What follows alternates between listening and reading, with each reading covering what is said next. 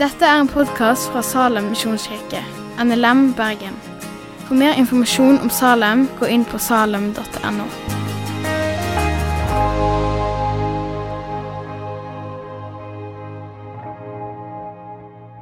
Ja, god andre søndag i advent. Som Kristin nevnte, så er jo adventstiden, eller det betyr komme eller ankomst. Vi forbereder oss på Jesu komme, Herrens komme, Frelserens komme. Både at han har kommet, vi ser bakover i tid, og forbereder oss på å feire jul, og at han skal komme igjen. Og vi ser framover og forbereder oss på Jesu andre komme. Så vi har begge disse perspektivene, og begge de er med i teksten som vi skal lese i dag. Og vi kan godt eh, reise oss, og så leser vi teksten fra Johannes 16, vers 21-24. Når en kvinne skal føde, har hun sorg, fordi hennes time er kommet. Men når hun har født barnet, minnes hun ikke sin trengsel mer i glede over at et menneske er født til verden. Slik har også deres sorg nå, men jeg skal se dere igjen, og deres hjerte skal glede seg, og ingen tar deres glede fra dere. Og på den dag skal dere ikke spørre meg om noe. Sannelig, sannelig, sier jeg dere, alt det dere ber Faderen om, skal Han gi dere i mitt navn. Hittil har dere ikke bedt om noe i mitt navn. Be, og dere skal få, for at deres glede kan være fullkommen. Hellige Far, hellige oss i sannheten. Ditt ord er sannhet. Amen. Eh, denne teksten er en del av en lengre tale som Jesus holder for disiplene sine på skjærtorsdag under eh, nattverdsmåltidet. Eh, den blir gjerne kalt for Jesu avskjedstale, der han forbereder dem på hva som kommer til å skje, at han kommer til å eh, dø bli tatt fra dem, at han skal forlate dem, men at han skal komme igjen, og det skal også komme en annen som skal trøste dem, talsmannen, Den hellige ånd. Og Jesus vet at disiplene kommer til å bli grepet av frykt, av sorg, av angst når de ser at han blir drept på korset. De kommer til å være redd for at det samme skal skje med de, at de lider samme skjebne. De kommer til å tvile på tok de feil av alt sammen. Var han ikke den han sa likevel? Og Jesus bagatelliserer ikke det disiplene kommer til å oppleve. Han sier ikke at det er feil av dem, og at de må gjennom alt dette her. Men han sammenligner det med noe så smertefullt som en fødsel. Men på samme måte som en fødsel så kan de se fram til noe fantastisk, noe uendelig bedre, når dette er over.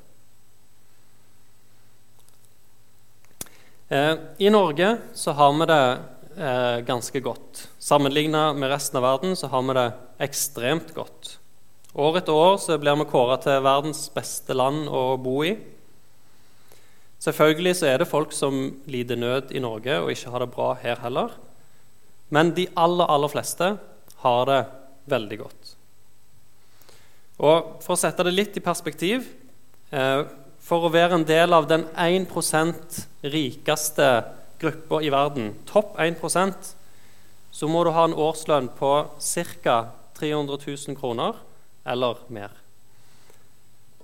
Så det vil si at godt over halvparten av Norges befolkning er i den topp 1 %-gruppa i hele verden. Og ser vi landet som helhet, så er vi òg helt i verdenstoppen når det gjelder rikdom og eh, det materielle. Så materielt sett og fysisk sett, menneskelig sett, har vi det veldig godt i Norge. Og lenge så har det òg vært enkelt å være kristen i Norge. De kristne verdiene og verdiene i samfunnet ellers har vært ganske overlappende. Flagget vårt det er et kors. De aller fleste er døpt. Det normale har egentlig vært å være en kristen. Og Grunnen til at jeg nevner litt dette, er for å minne oss på at det vi opplever og har opplevd i Norge, det er egentlig en unntakstilstand i verdenssammenheng.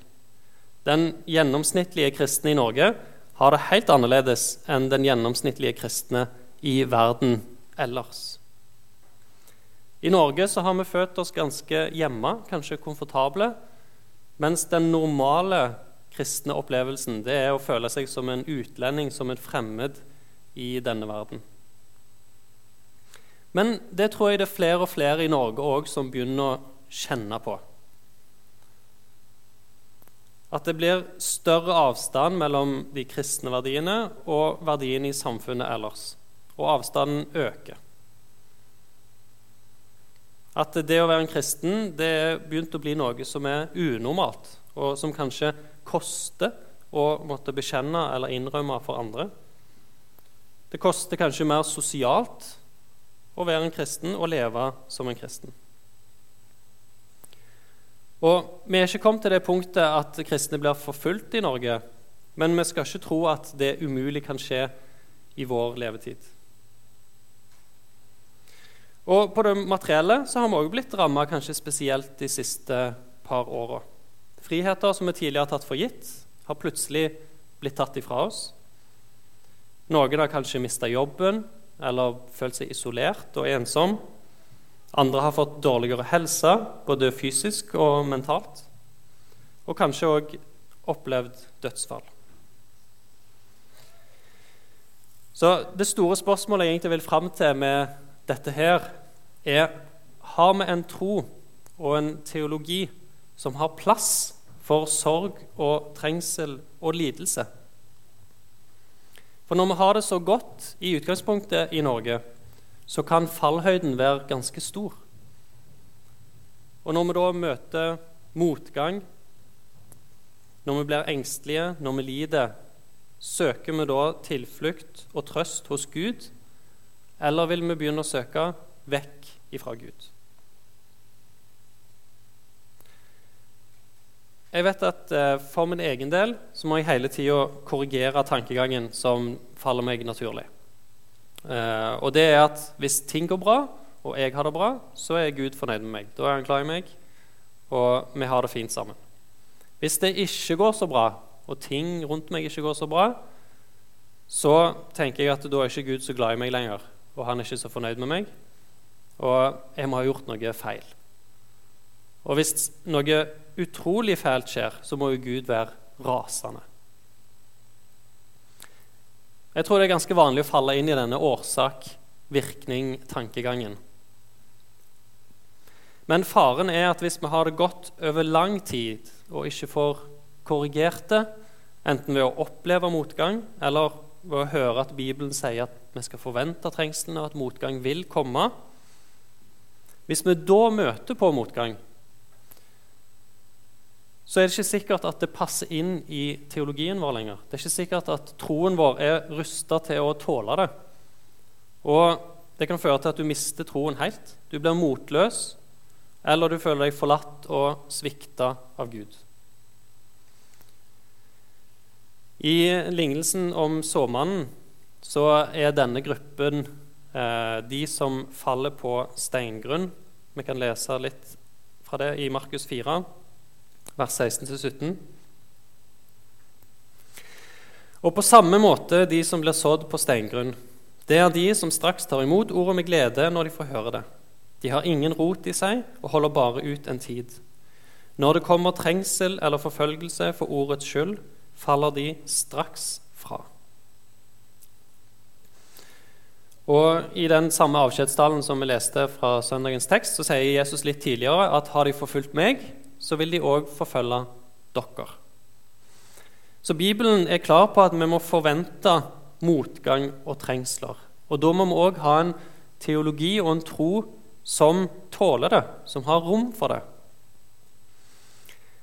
Eh, Luther snakker i denne sammenheng om to typer teologier.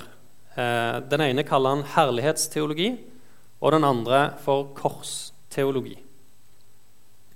Og Herlighetsteologien den sier at vi kan forstå og kjenne Gud ut ifra det som er synlig i denne verden. Det bygger litt på den årsak-virkning-tankegangen jeg nevnte tidligere. Hvis du har det godt i livet, så har du gjort noe for å fortjene det. Hvis du har det dårlig i livet, så har du gjort noe for å fortjene det òg. Hvis du ber og får bønnesvar, så har du bedt riktig og hatt god nok tro. Men hvis du ber og ikke får bønnesvar, så var bønnen din feil, eller troen din var for svak, eller kanskje har du gitt for lite penger til Guds rike. Og Noen trekker jo denne teologien enda lenger og begynner å si at vi kan forvente løfter som er gitt for den nye jord allerede i dette livet. F.eks. at kristne ikke kan forvente å oppleve sykdom. Og Hvis du da blir syk, så er det fordi du har synda, eller fordi du har en sykdomsdemon, eller en eller annen årsak. Men det må være en grunn, fordi det er sånn verden fungerer. Og det er sånn Gud opererer i herlighetsteologi. Mens korsteologien på den andre sida den sier at vi bare kan forstå og kjenne Gud gjennom lidelse og korset. Det at Gud blir menneske, at han tar på seg vår synd og dør på korset for vår skyld, det gir egentlig ikke mening i herlighetsteologitanken. For det synlige på korset, det åpenbare, det er jo at Jesus lider nederlag. Han får dødsstraffen fordi han gjør seg sjøl lik med Gud. Han taper når han dør på korset. Men den skjulte sannheten, det er jo at Jesus egentlig seirer på korset. Han overvinner og beseirer synden, døden og djevelen og stiller seg som seiersherren. Så det som i det åpenbare virker som én ting, er bak korset og bak lidelsen en helt annen ting. Eh, det er noen vers i andre Korinterbrev som jeg syns oppsummerer korsteologien ganske godt. og Vi skal ta og lese de i kapittel 4 fra vers 6. For Gud, som bød at lys skulle skinne fram i mørket, han har også latt lyset skinne i våre hjerter, for at kunnskapen om Guds herlighet i Jesu Kristi åsyn skal lyse fram. Men vi har denne skatt i leirkar, for at den rike kraft skal være av Gud og ikke fra oss selv. På alle vis er vi trengt, men ikke stengt. Rådville, men ikke rådløse. Forfulgt, men ikke forlatt. Slått ned, men ikke utslått. Alltid bærer vi med oss Jesu død i vårt legeme, for at også Jesu liv skal åpenbares i vårt legeme. For ennå mens vi lever, blir vi stadig overgitt til døden for Jesus skyld, for at også Jesu liv skal åpenbares i vårt dødelige skjød.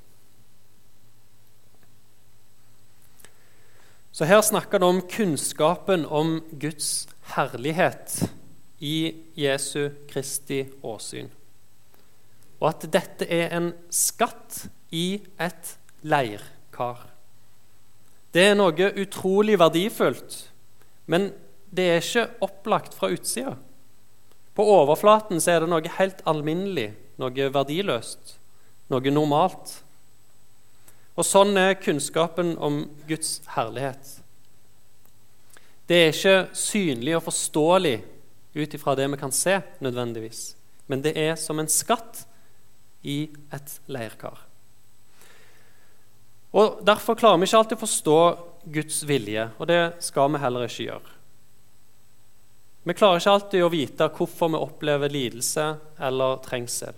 Hvorfor noen mennesker opplever mye mer lidelse, og andre går gjennom livet uten å oppleve så veldig mye. Det er ingen sammenheng med at de har gjort noe galt som gjør at de har det verre enn de andre. Det er ikke alltid vi forstår hvorfor vi ikke får bønnesvar. Av og til gir Gud oss bønnesvar, men han gir oss noe annet enn det vi ba om. Av og til sier han nei, av og til sier han vent litt. Det er ikke alltid vi forstår hvorfor vi møter motgang. Noen ganger er det djevelen som prøver oss. Andre ganger er det Gud som prøver å styrke vår tro, bygge vår karakter, styrke oss i helliggjørelse.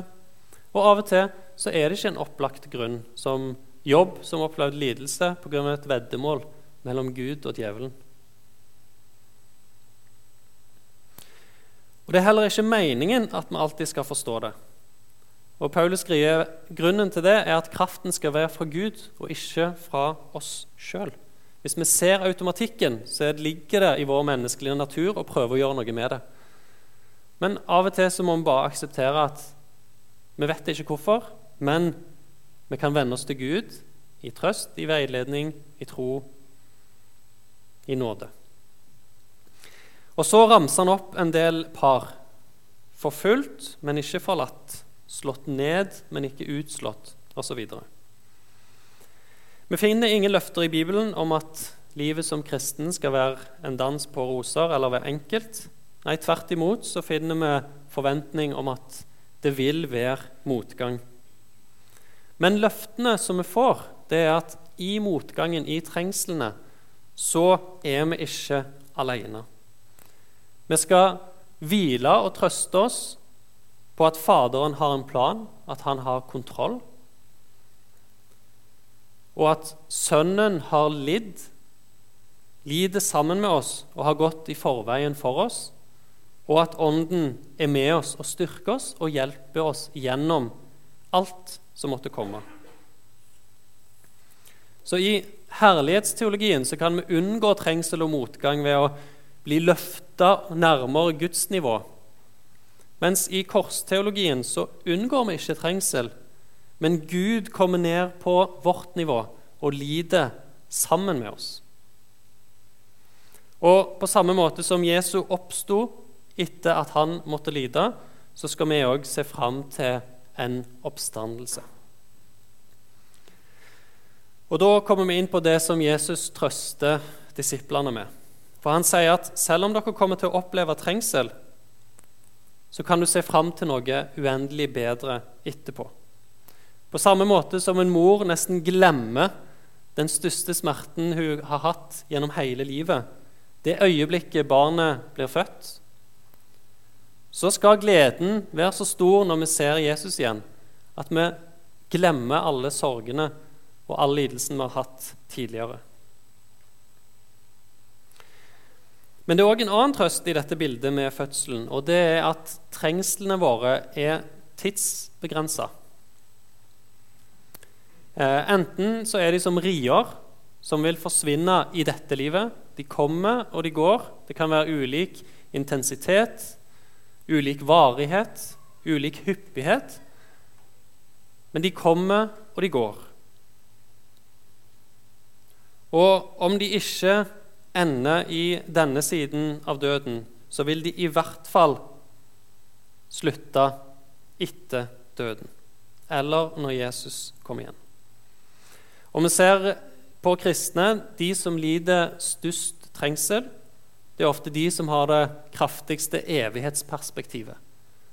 De ser fram, de lengter etter at Jesus skal komme igjen, og gleder seg til den dagen, til utfrielsen.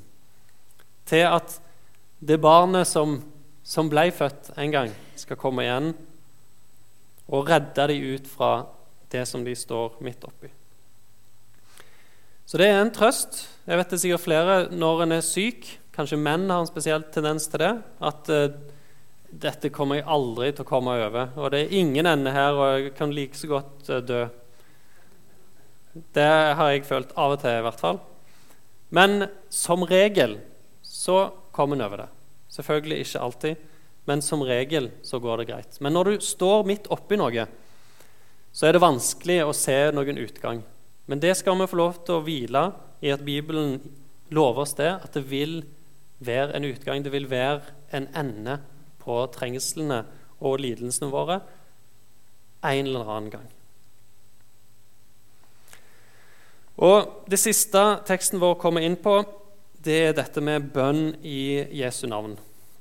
Og Det skulle vi gjerne brukt veldig mye tid på, eh, men jeg skal prøve å gjøre det veldig kort. Og bare si at Det å be i Jesu navn det er ikke en sånn magisk formel som vi har på slutten av en bønn, som gjør at eh, det vi ber om, er en garantert å få. Eh, og den beste sammenligningen jeg eh, kom på, det var det å arrestere noen i lovens navn.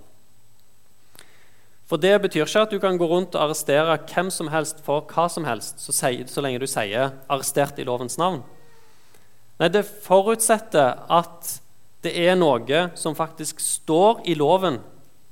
Og hvis det gjør det, så kan du ved lovens autoritet arrestere noen. Og Sånn er det når vi ber i Jesu navn. Det er ikke en fullmakt som vi kan bruke for å få vår vilje. Men det forutsetter at det vi ber om, er etter Jesu vilje. Og hvis det er det, hvis vi ber om noe i Jesu navn, hvis vi ber om noe etter Jesu vilje, så får vi lov til å be med Jesu autoritet på vegne av det han har gjort, og den han er. Og da vil Faderen alltid gi oss det. Så det er jo et fantastisk løfte og et privilegium. Og så er det like mye en bønn for vår del at vår vilje må bli mer lik Jesu vilje. At ikke la min vilje skje, men la din vilje skje. Og så skal vi få lov til å be med forventning. Gud kan gjøre alle ting, men vi må òg be om at han må forme oss, så vi kan be etter ting som er etter hans behag og etter hans vilje, etter Jesu vilje. Amen. Takk for at du har hørt på podkasten fra Salem, Bergen. I Salem vil vi vinne, bevare, utruste og sende, til Guds ære. Vi ønsker å se mennesker finne fellesskap, møte Jesus og bli disippelgjort her i Bergen og i resten av verden. Vil du vite mer om oss, gå inn på salem.no.